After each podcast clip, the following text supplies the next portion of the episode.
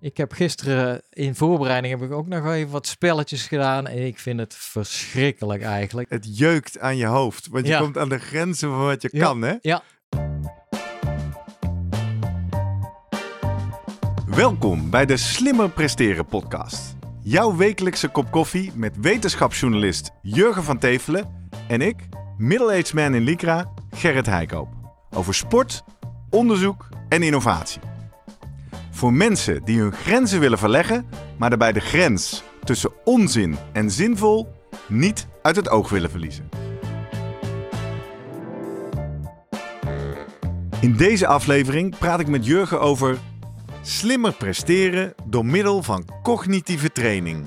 Zinvol of onzin? Een strakke deadline, lange file of lastige klus die je uiterste concentratie vergt. Wanneer je mentaal vermoeid bent, wordt ook het sporten zwaarder. Is het mogelijk om door training niet alleen je spieren, maar ook je hersenen sterker te maken? En kunnen specifieke cognitieve spelletjes ervoor zorgen dat je een betere sporter wordt? Voordat we beginnen, nog even drie dingen om aan te denken als jij zelf ook slimmer wil presteren. Nummer 1.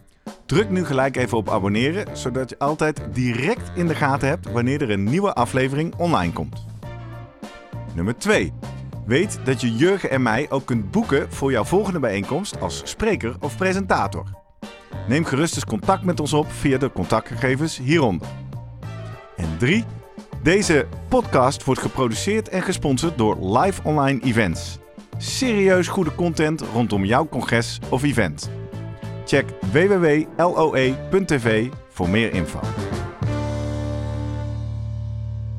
Jurgen, goedemorgen. Goedemorgen. Daar zijn we weer. We gaan eh, de donkere dagen in, de eerste vrijdag van november. Oh Laten we jee. het maar eens even hebben over eh, hoe we onze kopie erbij kunnen Ja, ja. houden. Ja. Mentale training, cognitieve weerbaarheid, daar gaan we het over hebben. Op zoek naar het antwoord op de vraag: wat is mentale vermoeidheid? Doet het op sportprestatie? Hoe werkt breinuithoudingstraining? Een duur woord, responsinhibitie, lees keer. Levert dit positieve resultaten bij sporters op en zitten hier nog haken en ogen aan? En eh, we gaan op het einde even bij Guido Vroemen vragen of hij zijn atleten spelletjes laat spelen op hun telefoon. En eh, wat hem betreft nog eh, tips zijn. Ja. Jurgen, ik ben gefascineerd. waarom, Waarom? waarom gaan we het vandaag hierover hebben? Nou, omdat dat toch denk ik een, eh, een onderdeel is waar ehm, sporters, coaches, trainers mee bezig zijn.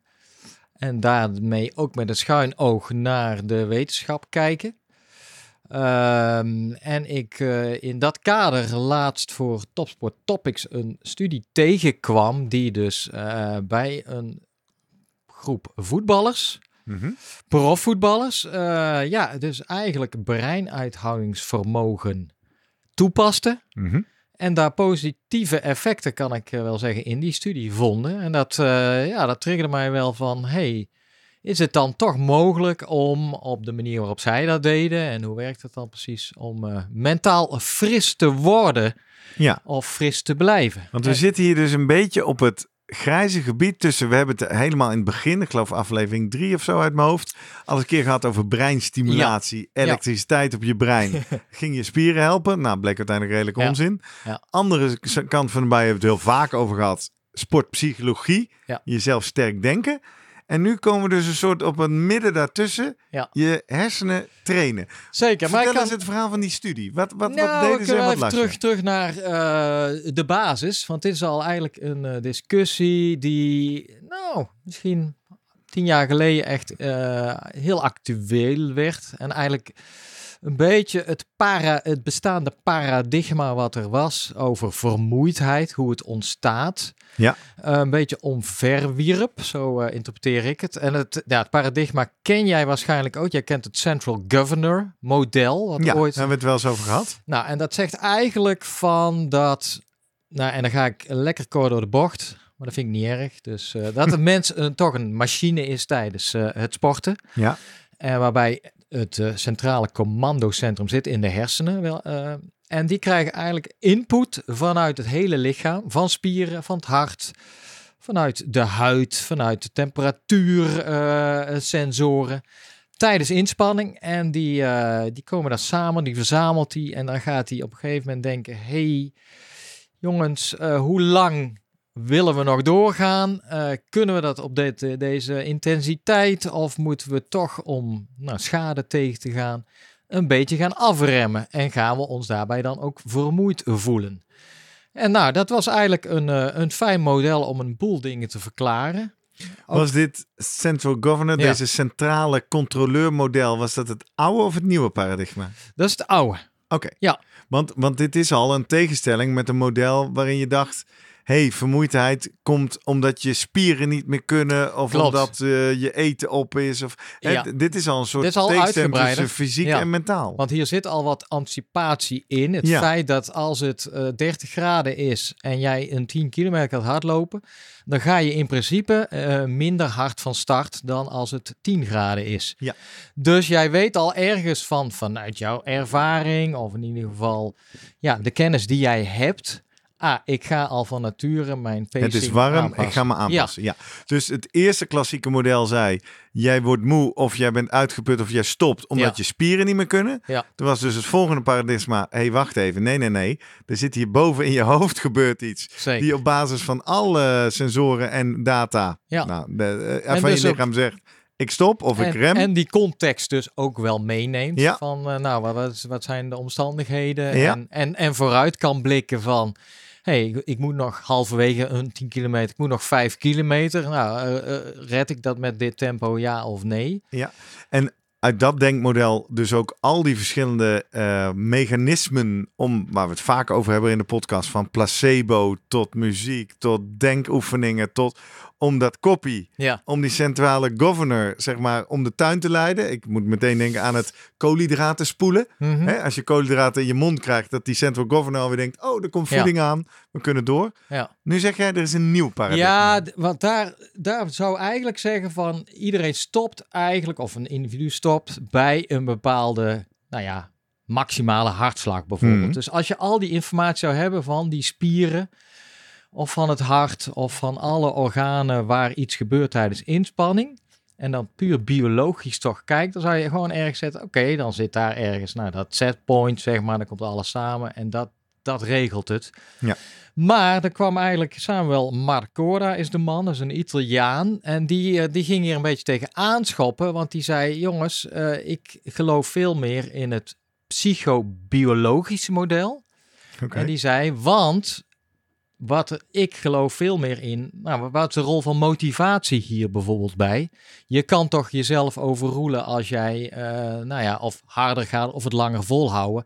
Bijvoorbeeld als je mensen een beloning aanbiedt. Hoe zit Ja. dat dan? Ja. Dus wat hij, eh, hij heeft dan een aantal studies gedaan, waaronder bijvoorbeeld mensen eh, mentale vermoeidheid opgelegd door ze, nou ja, cognitief uitdagende taken te laten doen. Ehm, nou, één daarvan, die heb ik al vaker, denk ik, eh, vermeld, is die Stroop-test. Dus Ja. bekende van, nou ja, je ziet eh, een, een kleur uitgeschreven op je beeldscherm. Bijvoorbeeld de kleur rood, alleen hij is in groene letters. Nou, dan is dat incongruent, dan past dat niet, zeg maar. Die matchen Ja. niet, die twee kleuren. Dan moet je bij wijze van spreken de rechterknop van eh, jouw eh, eh, toetsenbord indrukken. Of uit de Ja. twee knoppen ja, ja. als je hebt. En als er groen in groene letters staat, dan klopt het wel. En ik kan je, nou Hele moeilijke taak ja, voor het brein. hè? zeker. Ja. En behoorlijk, eh, je moet focussen. Ik heb gisteren in voorbereiding heb ik ook nog even wat spelletjes gedaan. En ik vind het verschrikkelijk eigenlijk. Ik werd er gewoon bijna misselijk van, van wat ik aan het doen was. Het is helemaal niks voor mij. ik heb ook wel wat ervaring mee. Wat ik irritant vind, het jeukt aan je hoofd. Want je Ja. komt aan de grenzen van wat je Ja. kan, hè? Ja, Je, je gaat bewust een aantal keer ook fouten Ja. maken. Kan ik zo, ja, en daar word je meteen ja. afgestraft. Ja. Want dan hoor je, nee, Eh. je bent af, het Ja. is afgelopen. Je mag geen fout Vreselijk maken. frustrerend. Dus eh, nou, en hij heeft dat dus in de studies laten zien. Liet die mensen deze test doen. Ja, een half uur lang. Oh. En eh, versus de controlegroep. En die liet hij dan een neutrale eh, documentaire zien over de Titanic of over het ontstaan van Ferrari, eh, de, de, Ja. de autobouwer. Ja. En daarna, eh, ja, daarvoor en daarna stopte hij ze op een fiets, deed hij een inspanningstest tot uitputting. En dan zag hij al gauw dat de mensen in het, ja, die eigenlijk deze Stroop-test hadden gedaan, nou, van de 12 minuten waarop ze het eerst deden, zeg maar, eh, die eh, opgave, die, de, de, de, de fietstest, al na 10 minuten stopte. Mhm. En keek hij daarbij naar de hartslag of lactaatspiegels, dan waren die niet anders. Aha. Dus hij zei, kijk, hier heb je dus iets van de fysiologie lijkt onveranderd. Maar het is duidelijk dat als ik mensen mentaal vermoeid maak, en dat, dat checkt hij ook nog in een bepaalde test, ja, dat ze toch eerder opgeven. En vanuit daar het is ontstaan van jongens, we, we moeten het niet met die fysiologische parameters, is onvoldoende eigenlijk verklaring. Hij is eigenlijk degene die zei, ja, waar het om draait is toch die ervaren mate van inspanning. Want hij checkte ook die RPE, de ervaren Ja. en hij, zei, hij zag dus duidelijk van dat dat voorspellend was. Die was eigenlijk opgetild na die mentaal vermoeiende taak. Dus die mensen op die fiets begonnen al van nature iets hoger als je ze vroeg van ja, hoe, hoe voelt het? En eigenlijk parallel aan voordat ze vermoeid waren, of de mensen die die neutrale documentaire hadden gelezen, steeg die RPE en eh, op het moment dat die, nou ja, eh 10 was, zeg maar, of in de buurt van 10 kwam, maximaal, gaven ze op. Ja. Dus vanuit daar het is, is het model eigenlijk aangepast, of het psychobiologisch model En Jurgen, in dezezelfde context, want ik zit Ja. heel hard te denken wanneer we het hier wel eens eerder over gehad hebben, maar dat maakt ook niet, Mhm. zoveel uit. Maar je zei net al, die Macora zei ook, wat is de rol van motivatie? Er zijn toch ook al wel toetsen geweest dat als je dezezelfde oefeningen laat doen of, of uitputtingstesten, als je zegt wie het verste komt krijg je 500 euro, Ja. dat mensen dan toch ook weer verder Klopt. kunnen. Afhankelijk van wat je ook biedt voor beloning. Ja, En dat ze zichzelf afvragen van, nou, eh, haal ik het wel of niet? Dat wordt wel spannend als ze zeggen, nou, bijvoorbeeld 500 euro, maar dan moet je die test 15 minuten volhouden. Oh ja. ja, dan, dan zouden ze zeggen, ja, zo, dat, dat ga ik niet. Dus ze gaan een beetje afvragen van, nou, wat is haalbaar? Wat kan ik echt iets extra's eh, geven? En eh, daar kan je mee spelen. Dus dan, En in onze, in onze terugblik op de Amsterdam Marathon vorig Ja. jaar heb ik ook die anekdote verteld over die scène in Kamp van Koningsbrugge, Ja. die mij de laatste twee kilometer door die marathon heeft gesleept. Ja. Dat die jongen bij die speedmars uitstapt en dat die Die Carter dan tegen hem zegt, wat als ik je zeg dat het nog maar 300 meter is? ja, ja, En dat je alles voelt, ja, maar dan kan ik het wel. Precies. Kortom, er zit dus in jouw hoofd het model, dit gaat oneindig door. Ja. En dan geef je op. Terwijl als je zegt, en in mijn marathon, ik dacht nog twee kilometer is ver. Maar door het om te denken, wat als het nog maar 300 meter is, ja, dan kan ik het wel. Ja. Dus dat geeft al allemaal maar aan dat die, die kop, hè? En Marcora, die heeft ook eh, ja, veel meer van dit soort eh, experimenten gedaan. En, en Maar zijn dit klinkt nog als psychologie, Ja, toch? eh, ja, ergens wel. Motivatie, Ja. omdenken. Ja, en zijn voorbeeld is ook altijd je, je, ja, je komt over de finish en denkt ik kan echt niks meer. Of eh, je laat mensen krachttraining doen en dan geven ze op. En dan, dan be, be- be- één seconde later al, dan kunnen ze ineens al veel meer drukken dan waarbij ze opgaven. Ja. Kortom, ja, wat ben je al in één seconde hersteld? Nee. Ik kan me een foto op een zeker Instagram-account herinneren van iemand die in een kring in Amersfoort op de grond lag alsof hij te Ja. was gestopt. Ja. Nou, met die jongen was het 20 seconden Ja. later ook weer helemaal prima. Ja, nou ja, gelukkig. We hebben de foto's nog gelukkig. Maar, eh, maar sindsdien is het eigenlijk toch wel... eh, ja, die, de wetenschap daaromheen heeft dit meegenomen. De, eh, eh, die studies van Marcora zijn bevestigd in andere eh, eh, laboratoriumsettings vaak. Ook bij hardlopers, andere studies. Bijvoorbeeld bij voetballers hebben ze dezelfde dingen laten doen. Nou, die... Ten eerste lopen ze minder snel en dan doen ze Als ze niet... mentaal vermoeid zijn. Ja, Ja. dus dan doen ze meer zo'n yo-yo-test of zo'n piepjestest-achtig ding. Cooper, toch? Intermittent, Oh, nee, ja, intermittent test. Maar ook dat ze onnauwkeurig gaan pasen en, en schieten. En dat ken je ook van jezelf als je mentaal vermoeid bent, zeg maar. Dan eh, ja, ben je gewoon minder alert hè? en dan eh, reactievermogen eh, neemt wat af. Ja. Kortom, met name ook voor spelsporters is het belangrijk om, om fris in het hoofd te blijven. Vandaar dat voetbalclubs, die komen wel vaak nog in het nieuws, of steeds vaker vind ik, omdat ze, nou ja, of breintraining doen, of in ieder geval... Ja, want ah, dat soms- zei je, was de aanleiding Ja. voor deze aflevering. Ja. Vertel eens wat meer over die studie die je Nou, vond. die Marcora, die, eh, ja, die is verder gegaan. En die heeft uiteindelijk, eh, nou ja, is zijn suggestie, kunnen we dan ervoor zorgen, hoe kun je eigenlijk die mentale vermoeidheid tegengaan, of is dat te trainen? Nou, hij was niet degene die bezig was met die breinstimulatie waar we in aflevering 4 inderdaad over hadden en waar heel, heel veel haken en ogen aan zitten.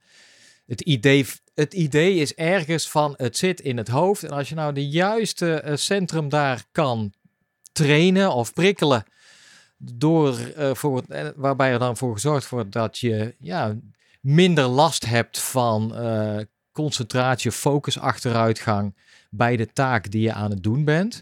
Ja, zou je daar dan kunnen profiteren. Kijk, je kan bij het voetballen ook denken, ja, die, die, ja bij, vooral bij een, een, een wedstrijd, moet op veel dingen letten. Hè? Moet het energie verdelen is, is, is één, maar moet ook eh, continu rondom kijken waar gebeuren dingen, et cetera. Dat dat niet alleen fysiek vermoeiend, ook mentaal vermoeiend wordt wel gezegd. Uiteraard. Nou, en kun je dat dan op een bepaalde... Dus je hebt aan de ene kant ook de groep die zegt, nou, je traint dat automatisch mee wanneer je training maar zwaar genoeg is. Aan de andere kant weten we ook dat voetballers ja, ook hersteltrainingen hebben, rustige trainingen. Dus daar zou misschien wel wat te halen zijn. Um, dus wat hij gedaan heeft, hij heeft en wat collega's in, in Engeland uh, hebben ze een, een team, Italiaans team in de derde divisie gevolgd die vier weken op een trainingskamp gingen. En daar volgens mij twee keer per dag gewoon hun fysieke voetbaltraining uh. En dan na afloop van die tweede training, direct daarna, want dat vindt hij wel belangrijk. Je moet niet een enorme pauze hebben. Het liefste zou je de breintraining tijdens je fysieke inspanning aanbieden. Die studies zijn ook gedaan, maar dat zijn met heel simpel eigenlijk van je bent uh, krachttraining aan het doen door het knijpen van je hand bijvoorbeeld. Mm -hmm. Nou, doe dat uh, een kwartier lang en doe in de tussentijd ook nog zo'n soort stroop testachtig ding. En dan vinden ze uiteindelijk na vier weken wordt dan weer opnieuw getest dat ja, je ook echt sterker wordt. In, uh, sterker sterk dan als je zou ja, trainen met die hand zonder die test. Precies. Dus dat eigenlijk oh, ja, dus door juist ook die co cognitieve taken te trainen, waardoor je uh, daar beter in wordt en daar minder vermoeid van raakt, dat dat ook meteen de prestatie bevordert. Dus dat okay. daar een wisselwerking zit. Ja, dat is aangetoond. Ja, en die dat, voetballers, die en, gingen aan de slag. Ja, die gingen en dat deden ze vier weken lang, een half uur dus, uh, na die laatste training. Die andere groep, ja, die, die kreeg een half uur lang, dan heb je al neutraal geluid te horen. Ja, uh, vraag me niet hoe een dat... slimme presteren podcast. Nou ja, zo. een beetje neutraal geluid, ja. ja. En na vier weken... Gingen ze dan uh, opnieuw testen. En dan keken ze naar, ja, eigenlijk fysieke test. Dus ook alweer een beetje die, uh, die, uh, die yo-yo-test, de, de ja, piepjes-test. Ja. ja. En de, um, dus de stroop-test. En de laatste was volgens mij een multitask-test. Dat is een beetje en lopen en uh, dan uh, bij als een, limp, een lichtje rood wordt, dan moet je juist de andere kant op sprinten. Groen, dan moet je juist naartoe. We zijn een beetje van, nou, in ieder draaien, keren, opletten, goed kijken, reageren. Er zijn wat testen voor. En wat hij zag is eigenlijk de groep die die uh, brein uh, uithoudingstraining deed. Dat hij op alle drie aspecten meer verbeterde dan de controlegroep die ook wel de fysiek dus dezelfde training had. Maar alleen maar die, uh, dat neutrale geluid te horen kreeg. Dus daarmee geeft hij ja, drie aspecten waren van dat, ja, die extra training, ja. aansluitend wel direct op die fysieke training, van nut kan zijn, nou logischerwijs, voor cognitie, want ja, je hebt ja, het getraind, ja, dat zal iedereen zeggen, ja, dat, dat snap ik. Maar dat ook dus jouw uithoudingsvermogen, je fysiek, daarvan profiteert. En voor voetballen handig, ja, dat multitaskvaardigheden. Zo. Ja. En dit was bij één team? Dat was bij één team. Ja, ja. nee, ja, ja okay, nee, maar toch even, even de grootte ja. van de proefpersonen. Maar uh, significante effecten. Significant, ja. ja het is altijd, uh, het zijn kleine effecten, altijd wel. Uh, maar klopt, dit is gewoon, ja. daarvoor heb ik ook een samenvatting geschreven. Het was geen, geen nee, nee. gewoon een prima studie. Het was niet het anekdotisch. Nee. Dus dit is misschien wel, en dat zal dan nog wetenschappelijk moeten worden aangetoond, maar voor iedereen die spelsporten doet, zeer interessant en relevant. Want dus, het multitasken, kijken, coördineren, afstemmen, tactiek, ja. uithoudingsvermogen is daar altijd aan de hand. Ja. En concreet betekent dat dus dat als ze dit protocol zouden volgen, ja. één keer in de week, half nee, uur, niet twee keer. Dit was elke dag. Elke na, dag? Ja, en dan vier weken lang, hè? Ik dacht dat je zei alleen na die tweede training in de week. Nee, na de tweede. Ik bedoel, ze trainen twee keer per dag. Oh. En dan, ja. Nee, dus dat is het. En Ik denk, ook, dit doen ze alleen op de dinsdag een en half ook met die krachttraining waar ik Dit het deden over ze had. iedere dag Ja. een half uur. Dus het is wel even een... eh, ja, nou ja, goed. Dan ga je je afvragen waarom vier weken. Lukt het ook na twee weken? Dan moet allemaal Dat nog weten we niet. die studies. Lukt het ook met één en keer het is eh, in de natuurlijk week? wel, wel interessant van... Wat doen ze eigenlijk dan voor spelletjes, zeg maar? Ja, noem het deden ze? Ja, het heeft alles te maken met response-inhibitie. En daar gebruiken ze een app voor, de Soma-app. Nou, eh, ik heb daar wel even op die website gekeken, maar ik had geen zin om meteen eh, mijn, beurs open te trekken en daar een eh, abonnement te gaan nemen, et cetera. Die bieden iets van 180 spelletjes aan, variërend van geheugen tot aandacht. Nou ja, en de, derde, nou, en de, de laatste waarop ze ingreep was inhibitie. Ja. En daar, ja, inhibitie is natuurlijk, dan moet je denken aan... Dat is een woord wat je niet zo vaak hoort. Nee, dat is eigenlijk impuls, impulsen onderdrukken. En dat kan je natuurlijk relateren aan de sport. Is, en, en volgens mij Alec Hutchinson in het boek Endure hebben we het ook een paar keer Ligt over hier gehad. op de hier. stapel, ja. Het wordt wel eens vergeleken ook met het omgaan met pijn en vermoeidheid. Hè? Je vinger tussen de deur. Of eh, Hutchinson heeft het dan eh, je vinger in een, eh, in een vlam eigenlijk hebben. En dan eigenlijk dat, nou, je- impuls om weg te trekken of je vinger tussen die deur uit te halen, om dat te weten te onderdrukken.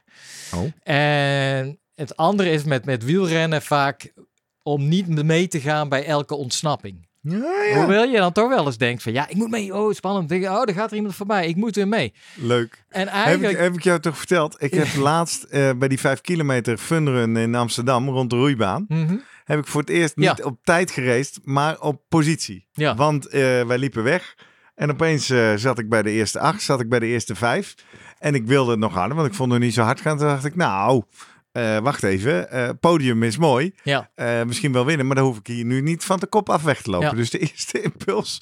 Ik dacht, weet je wat? Was net rondom dat WK atletiek in Budapest. Hadden we dat natuurlijk allemaal gezien. gekeken. Ik ja. dacht aan het woord boemelrace. Ik kwam Ja, ook Gregory ja. Sedok daar tegen, dus superleuk. Boemelrace. Ik denk, ik moet hier gewoon vierde positie blijven zitten. En toen liepen dus een gast weg van de kop. Zo, heel langzaam. Maar al in, nog in kilometer één.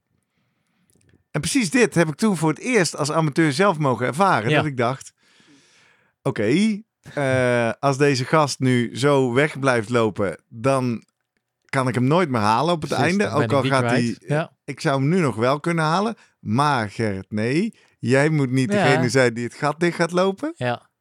Ik heb het toch gedaan. Ja, toch gedaan. ja, die kijk. inhibitie was bij mij jou- nog niet getraind. Ik durfde niet te eh, vertrouwen op ja. de rest van de kopgroep. Ja, Ik ben gewoon zelf eh, dat gat dicht gaan dus en natuurlijk. eh, het zelfs nog even jou. ja, nee, ja, ik was gewoon klassiek. eh, Ja. De impuls heb ik gevolgd. Precies, ja. Eh, ja. Met als effect dat toen ik bij die jongen kwam, ging ik lekker uit de wind in zijn rug zitten. Vond hij super irritant. Dus hij ging de hele tijd liggen kijken.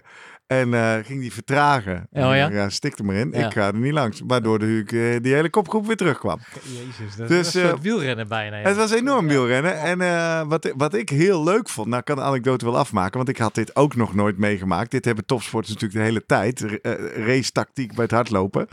Dus op een gegeven moment gaat er één jongen van die kopgroep, die versnelt nog een keer. En toen dacht ik, ja, want, want uiteindelijk bleek deze vroege koploper was Mhm. gewoon veel te hard gestart. Dus die stortte na anderhalf Oh ja? kilometer helemaal in. Serieus, Ja, hè? die hebben we nooit meer gezien. dat ook nog eens. Daar had ik gewoon op moeten vertrouwen. Maar goed. Dus toen ging er nog één. Dacht, nou, hier moet ik mee mee. Dus wij mee. Wij met z'n tweeën weer weg. Ik in zijn rug. Maar toen waren we denk ik rond, eh, ja, achter in de hoek bij de roeibaan. Dus dat is dan 2,5 kilometer. Hij ging gewoon net te hard. Ja, ging gewoon shit, net te hard. En, en of ik had niet genoeg Ja. motivatie Ja. of niet de wil om helemaal... Ik weet niet. Ik kon dat ook niet aan mentaal. Dus ik had mijn doelen bijgesteld. Ik dacht, nou, hoezo winnen? Dat is wel heel onrealistisch, hè? Podium is ook mooi. Ja, ja. Dus eh, weet je wat? bij. Ik laat deze jongen gaan. Dan word ik toch lekker tweede. Ja. En toen kwam ook weer een mooie. was ook allemaal mentaal dit. Ik vond het fantastisch. Ongeveer op eh, drie kilometer, tussen drie, drieënhalf. Komt er opeens een gozer. Want, want nou, ik had die jongen laten gaan. En ik ging wat mijn tempo wat terug laten zakken. Ik denk, nou prima, ik lig hier tweede. Komt er een gozer behoorlijk hard voorbij. Hm. Ja. Dat ik echt denk, zo, die komt, hard vandaan? voorbij. Ja. Ja, waar komt die vandaan? En toen heb ik de gedachte in mijn hoofd geframed. Want er was een beetje een rommelige start. Veel mensen denken, oh, die is Ah, natuurlijk achteraan gestart. Die is al drie kilometer door dat veld naar voren aan het stomen op dit tempo. Die en die komt mij nu zo voorbij. Ja. Ja. Nou, hou die gedachte vast. Waardoor ik dus ook besloot, nou, derde is ook mooi. Hè? Ik derde is nog, steeds, is nog steeds podium. Dus vanaf toen ben ik eigenlijk de hele tijd achteruit aan het racen geweest. Dus ik, ik Ja. hoorde nog wel iemand achter me.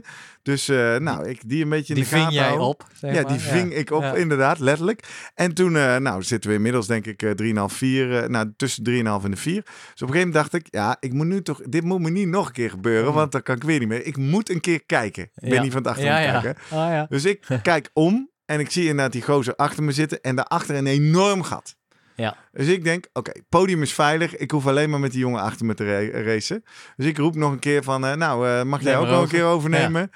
Later naar de finish zei hij, nou, ik hoorde wel dat jij iets zei, maar ik kon niet eens verstaan, want ik zat zo Ja. in het rood om bij jou te blijven. Dus, dus ik deed wat hij is. Ik ging ook vertragen en vertragen Oh, en ja. vertragen. Ja. Op een gegeven moment liepen wij 4 minuten 10 de kilometer. Ik denk, nou, dat is wel heel langzaam. Nou ga ik jou stuk maken. dus toen ging ik versnellen. Toen had ik een gaatje. Toen kwam hij weer terug. Toen ging ik weer versnellen. En hij mijn hijger. Nou, hij kapot. Toen pas, en dan zitten we al op 4,3 kilometer van de 5 of zo. Kijk ik een keer naar voren.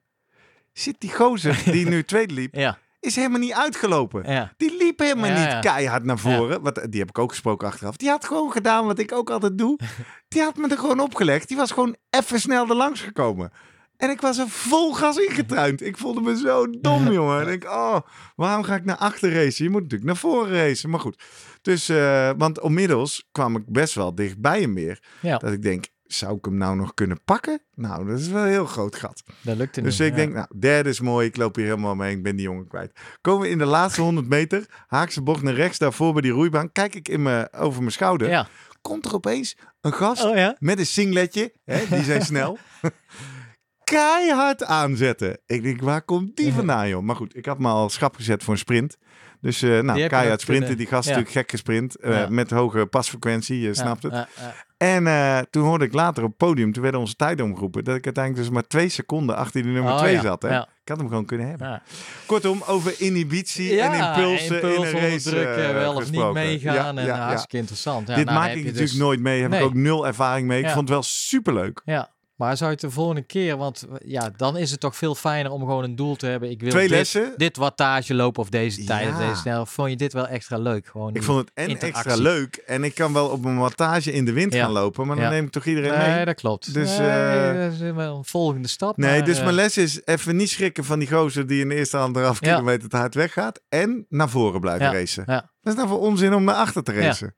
Vond ik eh vreemde ja, dat is een mooie, mooi mentaal eh, gevecht wat, eh, wat daar En heel leerzaam. Maar dat je Zeker. denkt, oh, hier zou ik meer ervaring in. Ja. Want dit is ook ervaring, toch? Ja. Race scenario's hebben meegemaakt. Ben ik ook benieuwd Weten wat naar kan afloop. gebeuren. Hè? Was je extra mentaal vermoeid? Voel je een beetje... eh, Nee, nou ik ja. was vooral super excited. Eén, dat ik eens een keer op een podium stond. Ja. Waar maak ik dat nou mee?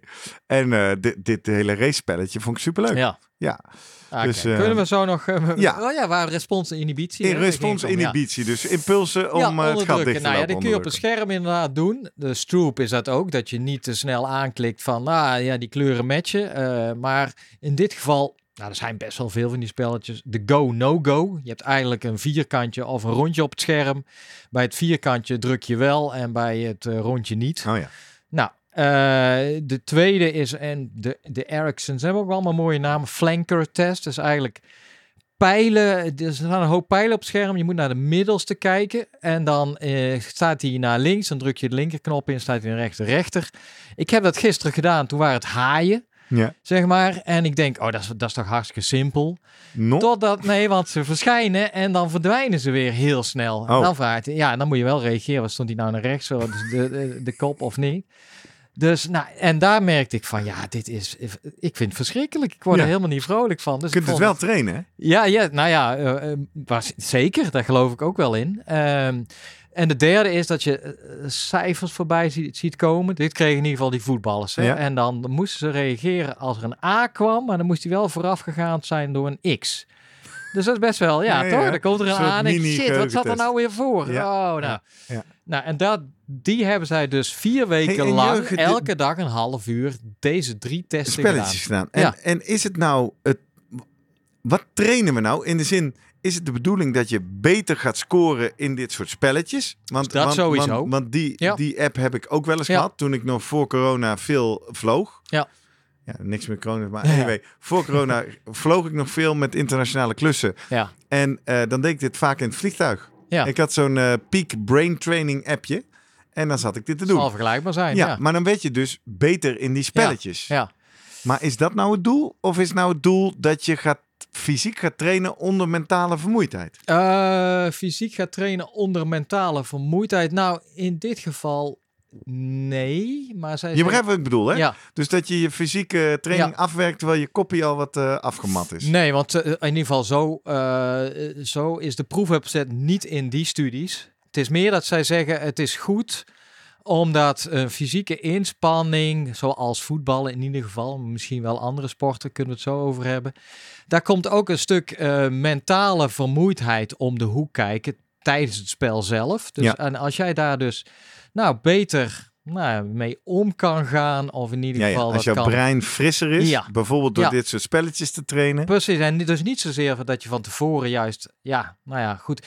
Eigenlijk, daar weten ze nog niet zo goed, of daar zijn ze nog mee aan het stoeien van, of, hij- deze Marcora is wel duidelijk van, je moet het eigenlijk liefst gecombineerd aanbieden. Nou, het voetbal is lastig om tijdens het voetbal, ja, deze spelletjes te doen, laat ik het zo zeggen. Dus vandaar dat hij het meteen daarna doet. Ehm, maar je merkt van als je deze, eh, ik denk, ja, die studies zullen ook gedaan zijn. Nou ja, daar kom ik zo op.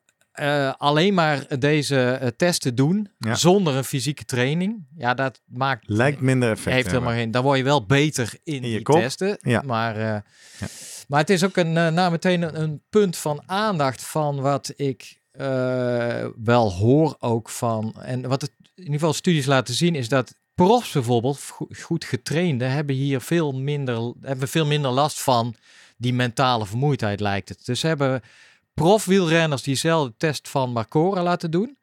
Dus met die Stroop-test of die Titanic eh, kijken en dan op een fiets gezet. En wat gebeurde er? Die profs die, die klaagden ook van Jezus, van een klote test. Ik ben vermoeid en ik deed dan ook slecht in die, dan die, die eh, ja, de, de, test die ze dan afnamen. Mhm, Liet echt mhm, zien, je bent mhm. mentaal vermoeid. Ja. Maar voor de fietsprestatie had daar helemaal nul invloed op. Alsof die direct die knop kunnen omzetten. Ja. Klap, ah, nu gaan fietsen. Dat En ken ik. dat ken ik, of dat vind ik weer leuk. Of eh, nou, eh, daar, daar wordt mijn, mijn kop frisser van juist. Ja. Dus daar zagen ze eigenlijk dat mentale vermoeidheid, als je die opwekt door een half uur een, een ingewikkeld test doen. Dus vandaar dat het vaak iets is van, nou ja, eh, kun je het trainen? En, eh, en in hoeverre zijn deze ja, lab-situaties wel eh, matchen die de real life wordt? Wordt altijd gezegd, oké, profs moeten uitkijken met op hun telefoon kijken, al die interviews, al die plichtplegingen als Ja, ze weer een social gele of een roze of een rode trui aan. Want dat geeft allemaal samen met, met, met reizen eventueel eh, gedoe thuis. Nou ja, bepaalde mentale vermoeidheid. Zo wordt een beetje gedacht. En dat moeten we zien eh, tegen te gaan. Of juist, ja, ja eh, en misschien kan dat dan met dit soort apps wel. Kijk, maar Cora heeft het recent ook nog herhaald in een groep. ehm, goed getrainde wielrenners. Ja. Net geen profs. Vindt eigenlijk hetzelfde. En, Wat? ehm, Hetzelfde als bij de profs als bij de eerste groep. Nee, als bij de eerste, bij de voetballers. Ja, dus, ja. dus onder vermoeidheid presteer je minder. Eh, Of wel- wat heeft ja, hij nee, herhaald? hij heeft gedaan. Hij heeft eigenlijk, eh, want dat wisten we al. Ja. Hij heeft eh, de, de, een- groep wielrenners, heeft hij een trainingsprogramma laten doen. Nou, pak een beetje, ik denk zes weken, Ja. zoiets. En in de tussentijd de ene groep, eh, na afloop van de training meteen, eh, Ah, die zomaar app, die spelletjes laten Ja, doen. ja, ja. En de andere groep weer niet. En dan heeft hij fietstesten gedaan na die, eh, die zes weken training. En nou ja, ik vond die best wel goed in elkaar zitten. Dat ging hij eerst een test tot uitputting door te beginnen op nou, 60% van je maximaal vermogen. Mhm, En dan daarna een sloeptest. Er zat wel wat pauze tussen. En dan nog een keer zo'n eh uithangsvermogen test. En hij vond eigenlijk in alle drie de testen... Dus dat, dat de mensen die die eh, app hadden gebruikt... die spelletje, die cognitief... Ja, eh, Cognitieve training hadden gevolgd. Ja, dat die verbeterde. Zo, Dus, zowel fysiek als mentaal. Ja, Mooi. Dus Mooi. dan denk je, nou ja, goed. Voetballers, wielrenners, Ja, nog alleen, meer ja, nu kwam ik sporten? een, een andere groep tegen. Dus het zit hem ook een beetje in, ja, in hoeverre heeft Macora precies uitgedokterd welke spelletjes het, protocol wel is. of niet doet. Het, Ja. het, het, precies het protocol bij, ook in de laboratorium. Want dit is een andere groep, die deden met hardlopers. En eigenlijk wat die vonden, en dat, die hadden gewoon een groep ook nog laten trainen, alleen maar die breintraining. Ja, ja. En dan een groep eigenlijk, het ging voor mij twaalf weken, echt een, eh, een, een, fiets, of een hardlooptraining laten doen. En een andere groep hardlooptraining. En daarbij ook die, de breintraining. Ja. Nou, en wat die eigenlijk zagen is, ja, de, de groep die de breintraining doet, de eerste en de derde, die verbeteren in ieder geval in de, in de, in de Stroop-test. Ja. Maar, eh, en de groep die, die traint, eh, fysieke training, hardlooptraining, die verbetert in het hardlopen. Alleen er is niet een, eh, een meerwaarde eigenlijk van die extra breintraining op de hardloopuitkomst. Dus die vinden eigenlijk Die van vinden ja, niks. je wordt beter in, uiteraard, in, in wat Een je stroeptest doen. ja, in wat je getraind hebt. En daar zit het hem wel in. Zij trainde echt de Stroop-test. Ja, En Macora had dus andere manieren. een variatie van- van, spellen. Ja, voor, en die checkte die uiteindelijk wel met een Stroop-test. Ja, of daar dan nog iets in zit, dat is... eh, Maar Ja, wat dit eigenlijk klinkt als, jij haalt nu drie losse studio, studies aan. het is, het is Zo in de kinderschoenen staat Ja, dit dus. want we ja. horen jou hier wel eens praten over meta-analyses. ja, zover zelfs, zijn we eh, lang nee, niet, nee, nee, Nee, nee. Dus uiteindelijk moet iemand ja. al deze studies op een hoop gaan Ja, gooien, zoals jij dat zegt, om dan echt een ja, uitsluitsel en, te En geven. dat blijft altijd een beetje, ja, zolang Marcora als enige dit blijft doen, ja, dan blijft het een beetje lastig, zeg maar. Want dan is hij eh, ja, toch degene die, hij is het wel het verste daarin. Is hij ook de eigenaar en aandeelhouder nee, van die nee, volgens mij niet dat, dat ik heb gezien. maar het is wel een eh, ja, goed interessante ontwikkeling. Ik ben, aan de andere kant ga je denken, ja, goed, eh, vier weken lang. Ja, je hebt het net Eh, over twaalf weken zelfs bij ja. de hardlopers. En vind je, vind je dit leuk genoeg? Hè? Nee, want dat is mijn ook. anekdote. En, En, dat is volgens eh, mij het bruggetje naar eh, ja. Guido Vroemen. Wij hebben het hier wel eens eerder over gehad. En hij heeft mij een appje gegeven. En ik weet al de hele week dat we het hierover gaan hebben. En ik kom er maar niet op wat dat ook weer was. En nu jij die spelletjes Ja. noemt, denk ik... Oh ja, dat moest ik doen. Moest ik 's ochtends na het wakker worden. Was een soort appje. Was vergelijkbaar met wat ik nog wel... Wat me wel lukt, is de HRV-app. Ja. Maar nu moest ik ook weer een paar kwalitatieve parameters. En dan, ik geloof een minuut lang...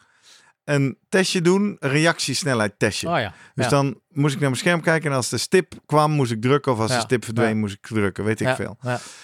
ja. En ik merkte, ik had geloof ik een proefabonnement van de maand één. Ik vond het helemaal niet leuk. Ik vond het super vervelend en een oponthoud in mijn ochtendritueel. Ja. En ik heb ook nooit het gevoel gehad dat het me om wat voor manier dan ook hielp. Ja, ja. Maar dat zullen we zomaar even aan eh, Guido Ja, voorleggen. nee, maar ik zat ook wel door te denken van ja, in hoeverre is de controlegroep goed genoeg? Hè? Zeg maar, is dat een, een- een neutraal geluid? Misschien zijn die nog een beetje aan, aan, het, aan het doormalen zelfs over die training. Wat is neutraal geluid? Ja, nou ja, dat is dat, dus. Maar of een, een documentaire van de Titanic kan je ook gaan aan gaan ergeren, of van Ferrari. Ja, zeker als je dat eh, iedere dag Dus, een half eh, uur moet kijken. Ik denk van ja, wat is het misschien een gewoon ontspanning, afleiding. Ja. Van even, je hebt, je hebt getraind, voetbalveld, nou er gebeuren dingen, je, eh, je bent nog niet zo in vorm, je bent in de voorbereiding op het seizoen. Misschien onderlinge interacties met de trainer, met medespelers. En die, neem je, die kun je meenemen hè, als eh, voetballer, als jij niet, tenzij je afgeleid wordt. Nou, Ja. door een spelletje Maar doen. nu zit jij te speculeren hier. Ja, ik ben hè? en aan de andere kant, we weten ook wel dat er andere manieren zijn om mentaal fris te blijven. Nou, los van die motivatie op te krikken op allerlei manieren. Cafeïne vind ik een goed voorbeeld. Ja. Of eh, ja, eh, Slaap. gewoon goed slapen, inderdaad. Dus of dit nou eh, uiteindelijk eh, ja, eh, de heilige graal zal worden voor... Ja, er lijkt wel iets te zitten. Ja. Maar ik vind wel belangrijk wat je net in een bijzin zegt. Het is eigenlijk één grote wetenschapper. Wel een belangrijk, relevante wetenschapper. Dus een groep van promovenda daaromheen waarschijnlijk. Zeker. Die dit nu doen. Ja. Laten we maar eens even zoomen met Vroemen. Om te vragen of hij eh, zijn atleten aan de cognitieve spelletjes zet. Hij heeft het dus bij mij één maand gedaan. Maar ik ben gestopt. En of hij nog andere tips heeft om, eh, voor atleten om met mentale vermoeidheid eh, om te Ja. gaan. Kan ik ook wel Wat gebruiken was nu. eigenlijk de reden dat jij van hem dat spelletje mocht gaan doen? Ja, mij staat bij dat dat naar aanleiding van een aflevering is of iets wat wij het over gehad hebben. Maar ja, Nou, nogmaals, dan gaan we het... eh, mijn brein laat me in de ja. steek. Nog één kleine shout-out eh, voor iedereen eh, die onze podcast wil steunen. Ik zie in de statistieken, nee, andere anekdote. Podimo. Ik heb het Ah, ja. bewust al anderhalf jaar genegeerd, want ik vind het echt verschrikkelijk dat mensen moeten betalen in de maand om podcast te luisteren. Maar, nou overkwam me van de week toch iets geks. Iemand vertelde mij, ik zeg luister je wel eens podcast? Ja, meestal op Podimo en die van jullie op Spotify. Dan dacht ik, daar moet ik iets over zeggen. Hm. Want als je namelijk toch al op Podimo zit, ik ben er geen voorstander van, stel dat jij daar zit, dan betaal je dus al 20 euro in de maand. Luister dan maar de Slimmer Presteren podcast ook op Podimo, want dan krijgen we nog een paar centen van jouw 20 euro onze kant op. Dus eh, oproep aan alle Podimo-abonnees, forget Spotify en eh, klik dan in Podimo op de Slimmer Presteren podcast, want daar staan we gewoon ook in. Dat wil Dus ik nog die even ga je hebben. meenemen in je riedeltje? Nee, Van, niet, eh, want ik vind Podimo stom. Maar ik begrijp Dan- wel dat sommige mensen daar op gaan. Dan nou, luister dan daar ook maar naar ons. Ja. Ja? Podimo dus. Yay. Heel goed. Eh, we gaan zoomen met voetbal. We gaan zoomen met Vroemen. Zoom, zoom, zoom. Vroom, vroom. Guido, goedemorgen. Goedemorgen, Guido. Een goedemorgen. Z- zie ik jou nou net je telefoon even snel aan de kant leggen? Zat je een eh, Brain Train appje te spelen? Nee, reactiesnelheid testen. En, Ja, precies. en Ja, hoe is je scherp- vanochtend? Of ik scherp genoeg ben voor vanochtend. Ja, of dat je nog een kop koffie eh, moet nemen. Ja, maar dat, dat gaat dan toch niet heel veel verbeteren. Ik moet dan toch gewoon al goed geslapen hebben en zo. En dan moet het al goed zijn. En dan anders, ja, dan kun je het een beetje rekken met koffie, maar niet echt meer verbeteren, denk ik. Maar ben je een beetje mentaal fit? Ja. Ja, ja, ja. Ja? Ja, ik sta er wel scherp op, denk ik. heel goed. Kom maar op. Fijn. Nou, dat hebben we nodig, namelijk in deze Ja, we hebben net geleerd over een aantal studies. eh enerzijds bij voetballers, ook bij wielrenners wel gereproduceerd. Dat, eh, Oh, Als- wow. ja, ja. Als zij trainen en een half uurtje, pff, iedere dag een half uurtje hersengymnastiek doen. Een paar weken lang dan wel. dat ze Ja. dan eh, beter Ik zal presteren. hem dan niet maken, die grap. Vertel eens. Maak hem maar wel. Voet- Voetballers en hersengymnastiek. Maar ja, ik tel dat. Nee. Het is mij wel eens vaker opgevallen dat jij wat sorry. denigrerend kan doen over mensen die spelsporten doen. Maar dat is ook topsport, hè? Ja, ik kom, hè, vroeger, hè, Jurgen. Ja, Precies, jullie kennen elkaar anders van dan voetballen. ja. Ja, vind ik ook. Dat bloedfanatiek, man. Precies. Jij helemaal, ja. Volleyballers, honkballers, allemaal een balletje. Moeten allemaal multitasken, moeten allemaal scherp zijn. Ja. Maar, nou komt het. Goed. Ehm, voordelen van trainen van hersenen door middel van appjes. Heb jij, ben jij bekend met atleten die jij begeleidt die dat ook doen? Of heb je zelfs atleten die je dat aanraadt? Nou ja, wij zitten natuurlijk in een hoek van sport waar we. Het grootste belang, of het belangrijkste is echt wel je fysieke capaciteiten qua eh, prestatie leveren. En daar speelt je brein natuurlijk ook altijd een grote rol. Ehm, maar het is, het is niet zo vaak zo dat je tijdens een, een, een hardloopwedstrijd, een triathlonwedstrijd of zo, een, belangrijke beslissing op een moment moet doen: van, gaan we die kant op of gaan we die kant op? Wat doe ik?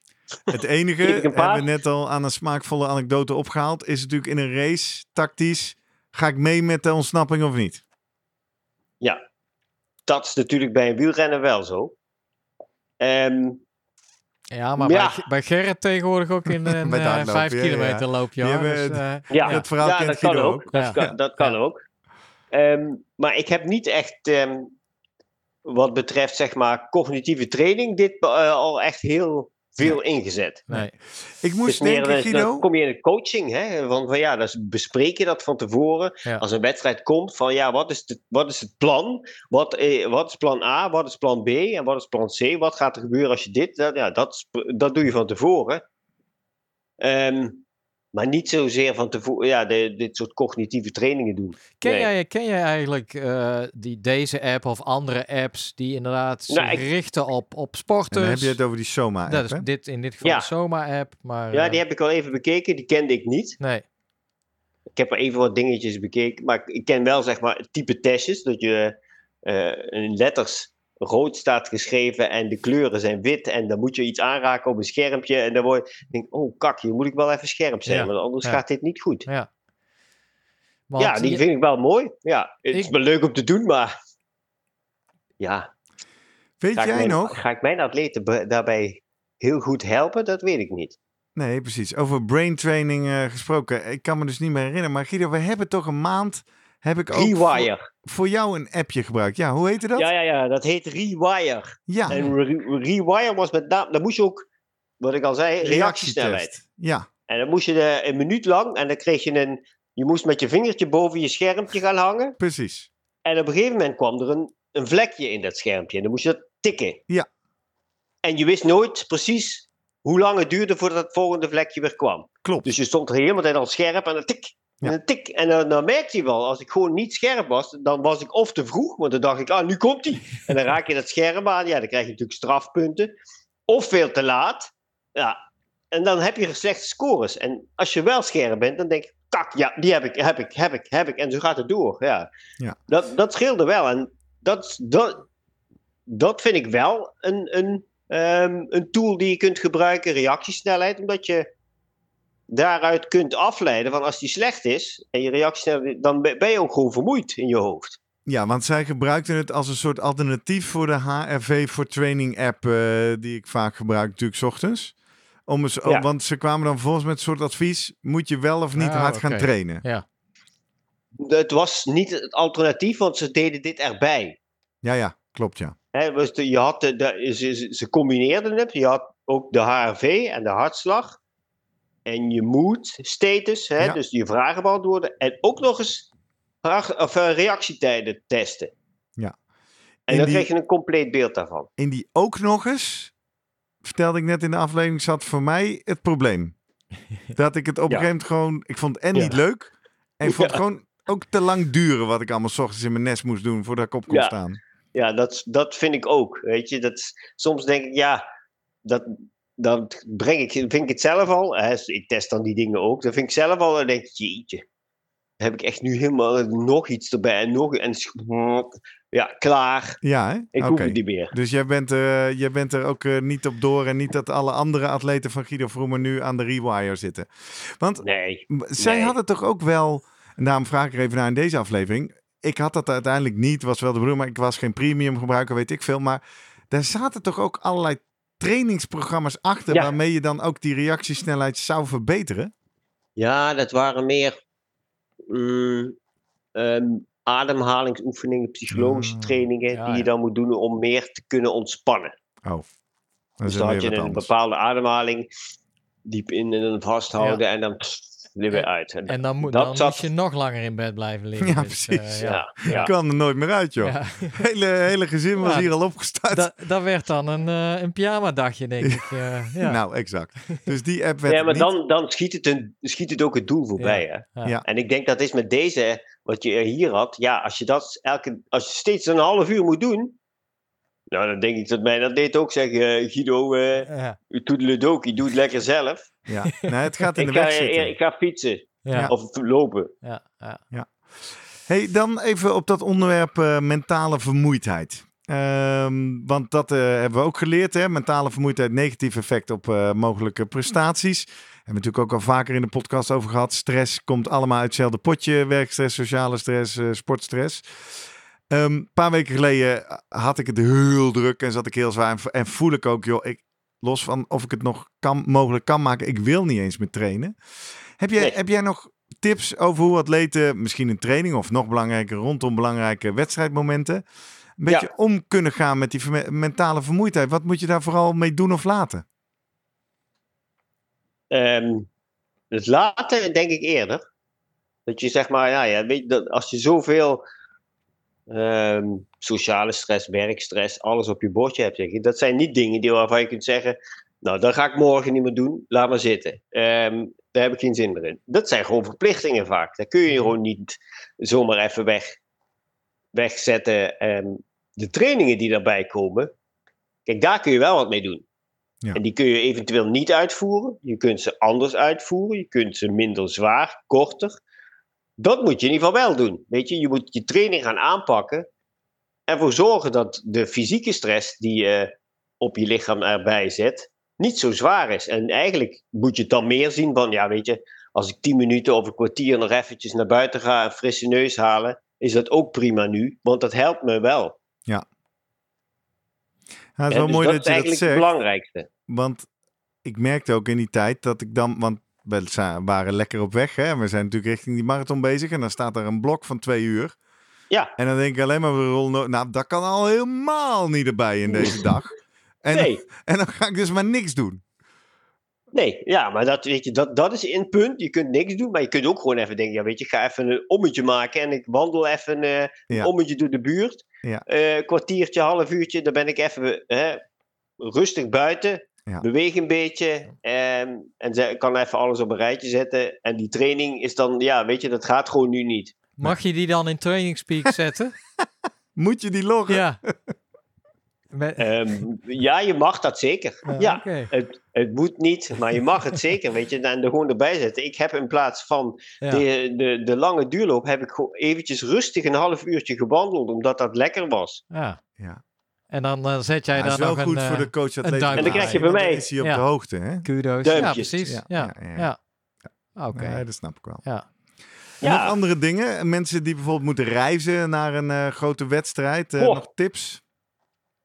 ja, die reizen, dat is vaak killing. Ja, hè? Ja, Stress? ki- reizen is, echt heel veel, dat is echt geen rustdag. Het, is- een reisdag is echt stressdag.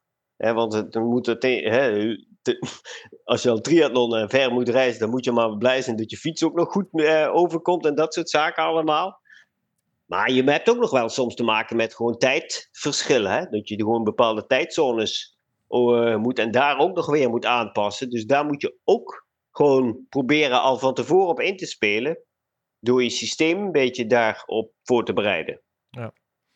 Bij eh, topatleten wordt wel eens gezegd dat die hebben dit allemaal min. In ieder geval die werkstress en zo een stukje minder, hè? of eh, niet. Ja, die hebben alleen maar prestatiedruk uit Maar de media. dat, dat die juist moeten stress. uitkijken, misschien met social media en, eh, en dat soort dingen. Eh, hoe kijk jij daar tegenaan? Omdat dat dan voor hun mentale vermoeidheid kan geven. Is- Heeft eh, coach eh Vroemen een protocol al, eh, social media Nee, geen protocol voor zijn protocol. atleten? Nee, geen protocol, maar wel eh, zoiets van, nou weet je, als je naar, naar een belangrijke wedstrijd toe werkt, moet je zorgen voor voldoende geestelijke rust en herstel. Hè? Dan is het, ik vind het ook altijd heel prima als mensen zeg maar een, een hoogtestage willen gaan doen. En dan is het niet zozeer dat ik die hoogtestage zo geweldig vind, Hmm. maar als jij hoog in de bergen zit, drie, vier weken, Ja. daar is verder geen ene fuck te doen, hè. Liever zonder wifi weinig- of iets. eh Daar is weinig bereik. afleiding. Ja. Daar wordt gewoon, hè, de training wordt ge- uitgevoerd. Er wordt gegeten en er wordt geslapen. En dan de volgende dag weer hetzelfde. Ja. Dus dan heb je echt heel veel goede rust. Ja. En dat helpt echt heel veel. En dus dan ben je heel weinig afgeleid. En je hoeft niet die dingen thuis. Want als je thuis bent, ga je allerlei andere dingen doen. Hè? Ja. Want dat, oh, dat klusje moest ik nog doen. En ik moest die nog bellen. En ik ga dat eens even opzoeken. En ik ga daar op social media. En van die social media ga ik weer naar de andere. En de, oh, daar weer een filmpje. En dat gaat maar door zo. Daar heeft iedereen last van. Maar je moet het op een gegeven moment gewoon denken: weet je, dat doe ik gewoon nu niet. Ik leg het weg. Ja, precies. En dan zeg je dus geen protocol. Dat is een knipoog naar bepaalde wielenploegen in Nederland die dat eh overprotocoliseren. Eh, maar dus wel hier een waarschuwing, wellicht ook voor jongere sporters die zich dat helemaal niet zo bewust zijn. Dat eh, die hele dag op die telefoon, dat vreet dus ook mentale energie. Ja, ja, ja. Maar daar kun je zeker jongere gasten ook op aanspreken. Hè, op een goede manier. Ja, Dat je Ja. denkt, kom op mij. Waarom ga je, hè, ga of een boek lezen, of, of zoek eens iets, een bepaald onderwerp. Om een daar boek, meer... een boek. Een boek. Een boek. Ja. Ik denk echt, laten we die nou hangen? Ja. Ja, ja, ja. Of, of een bepaald onderwerp waar je meer van af wilt weten. En zoek dat dan eens uit. Hè? Daar word je ook slimmer van. Ja. Ja.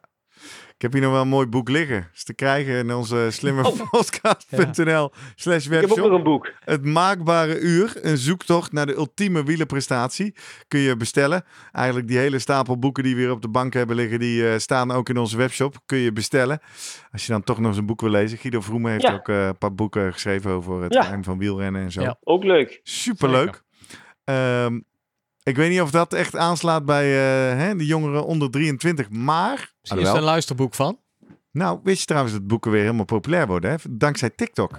Een heel random ander onderwerp. Maar Ja. het schijnt dus, eh, TikTok is een enorme promotor weer van lezen. Mag jij op TikTok van eh Nee, dat lees ik in de krant. Oh, oké. Oh, dat Oh, nee, oké. Ja, ja. Weet ik niks van. Ik wil niet op TikTok. Daar vind ik mijzelf als middle-aged man eh, te oud voor. ja. Anyway, over social media gesproken. Zullen we anders Ja. mensen eens oproepen waar ze ons kunnen vinden op social media? Nou, Nou, waar was het ook weer? Het was de Slimme Podcast op Instagram, op LinkedIn en op eh, X, voormalig Twitter. Daar vind je iedere vrijdagochtend, als je ons volgt tenminste, in jouw tijdlijn een update over eh, waar de aflevering van die week over gaat. Dus ga ons allereerst volgen. Je kan ons ook daar DM'en, berichtjes sturen. En als je nou wat hartjes en duimpjes aan die post geeft, dan eh, zien ook veel mensen in jouw netwerk hem waarschijnlijk weer. En zo wordt onze community van leuke luisteraars alleen maar groter. Daarnaast kan je ook naar onze website www.slimmerpodcast.nl. Daar vind je niet alleen die webshop met al die leuke boeken, maar daar vind je ook van iedere aflevering zijn eigen pagina. Bijvoorbeeld van deze. Kun je eens doorsturen naar eh, een jong talent van eh, een jaar of twintig of naar voetballers of andere mensen in de spelsporten over de kansen van brain training, cognitieve training en de effecten van mentale vermoeidheid op sportprestaties. En je kan ons ook mailen via post.slimmerpodcast.nl voor al jouw suggesties, vragen, aanvullingen, leuke appjes en alles wat je wil doen om mee te praten. En als je op Podimo zit, dan kan En je dat heb ik in deze aflevering al gezegd. Ja, maar even ter herinnering. Vind ik wel even belangrijk. Die, Ja, eh, die hou ik erin. Jij wordt nu eh, de Podimo eh, promotor, Ja. Ja, nou, mooie rolverdeling. Heel goed. Guido, dankjewel weer. Ja, graag gedaan, mannen. Tot, tot volgende volgende week. week. Hoi. Hoi. Yo, hoi.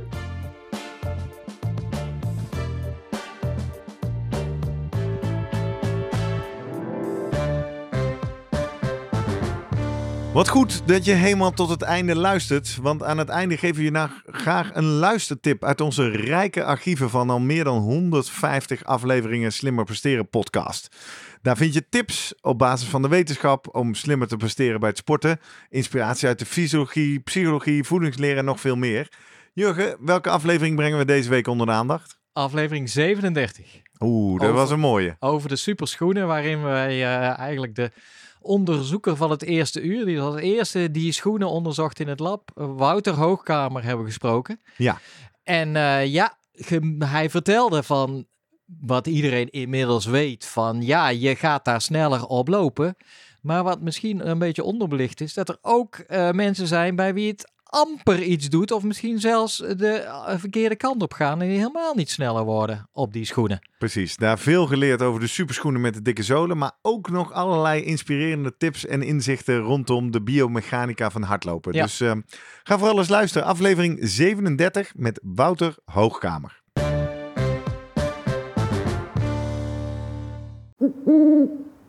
Hey. Voordat je weggaat, denk er nog even aan uilentorenloop.nl. Dan zien we je de eerste zaterdag van juni. Tot dan!